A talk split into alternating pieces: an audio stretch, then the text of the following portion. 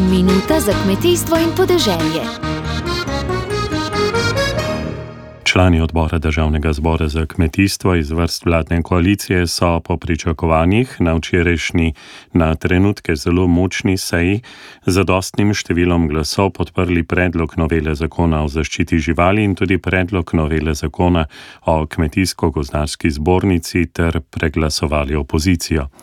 Predlog novele zakona o kmetijsko-gozdarski zbornici, ki med drugim uvaja sporno omejitev pasivne volivne pravice na volitvah v organe zbornice, je v neskladju z ustavo, so že 12. maja opozorili v pravni službi te kmečke stanovske organizacije.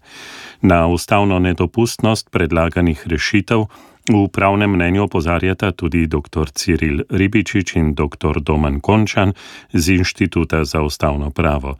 Predsednik Kmetijsko-gozdarske zbornice Roman Žveklič v prvem odzivu pravi: Zato bo seveda Kmetijsko-gozdarska zbornica ustrajala pri tem, da bo zaščitila eh, ustavnost, demokracijo.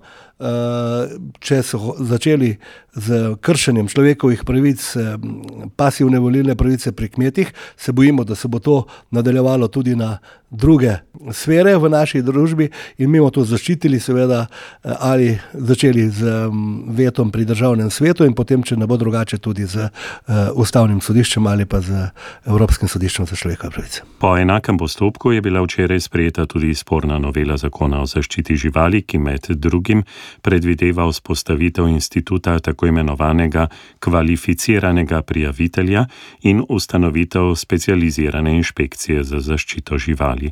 Več boste slišali v nedeljski kmetijski oddaji. Dobro se je zavedati, kmetijstvo nas vse preživlja.